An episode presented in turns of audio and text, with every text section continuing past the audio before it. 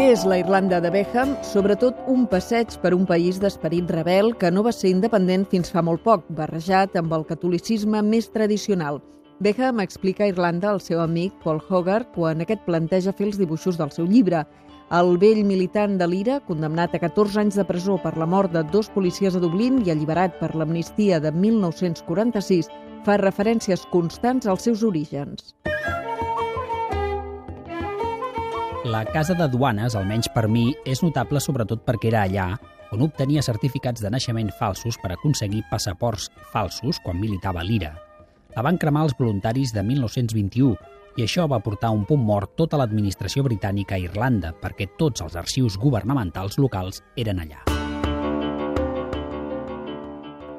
Un país amb una llengua pròpia que Beckham parla i en la qual escriu, però una llengua totalment eclipsada per l'anglès, l'idioma de l'antiga metròpoli.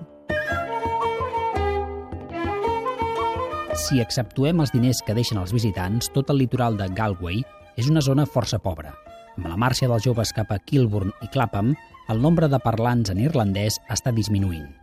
L'única manera que una llengua autòctona s'hi pugui preservar és a través d'alguna forma de socialisme econòmic, però el govern està disposat a fer tot el que estigui a les seves mans per salvar la llengua, excepte adoptar la solució radical d'organitzar una indústria pesquera estatal al llarg de la costa. Durant una setmana no hi va haver res més que simonia i sacrilegi, pecats que clamaven al cel i un gran catecisme verd a les nostres mans.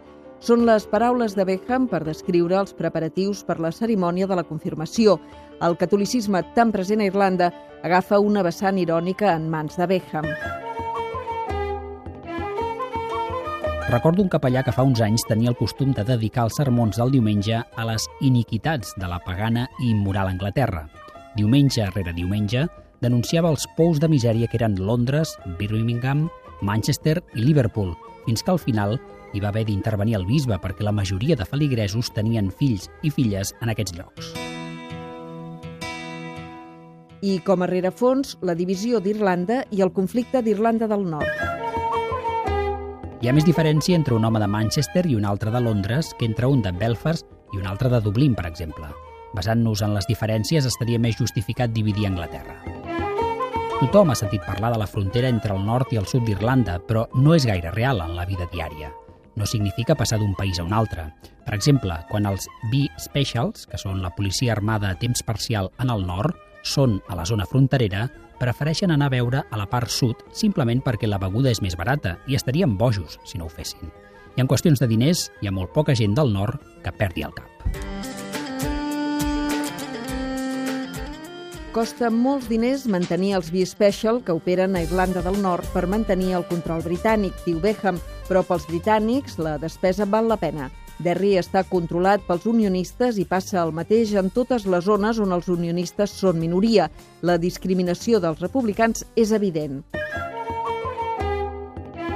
La discriminació afecta tots els àmbits, habitatge, treball, ha passat que excombatents que van lluitar amb les forces britàniques durant tota la guerra i van ser condecorats per la seva valentia no van aconseguir trobar feina quan es va saber que eren catòlics. Però ni aquí Beckham deixa la seva ironia i explica la història d'un poble de majoria catòlica on no hi havia discriminació contra els protestants, simplement perquè en el poble només hi vivia un protestant que, amb l'ajuda de Déu, farem fora abans que arribi Nadal.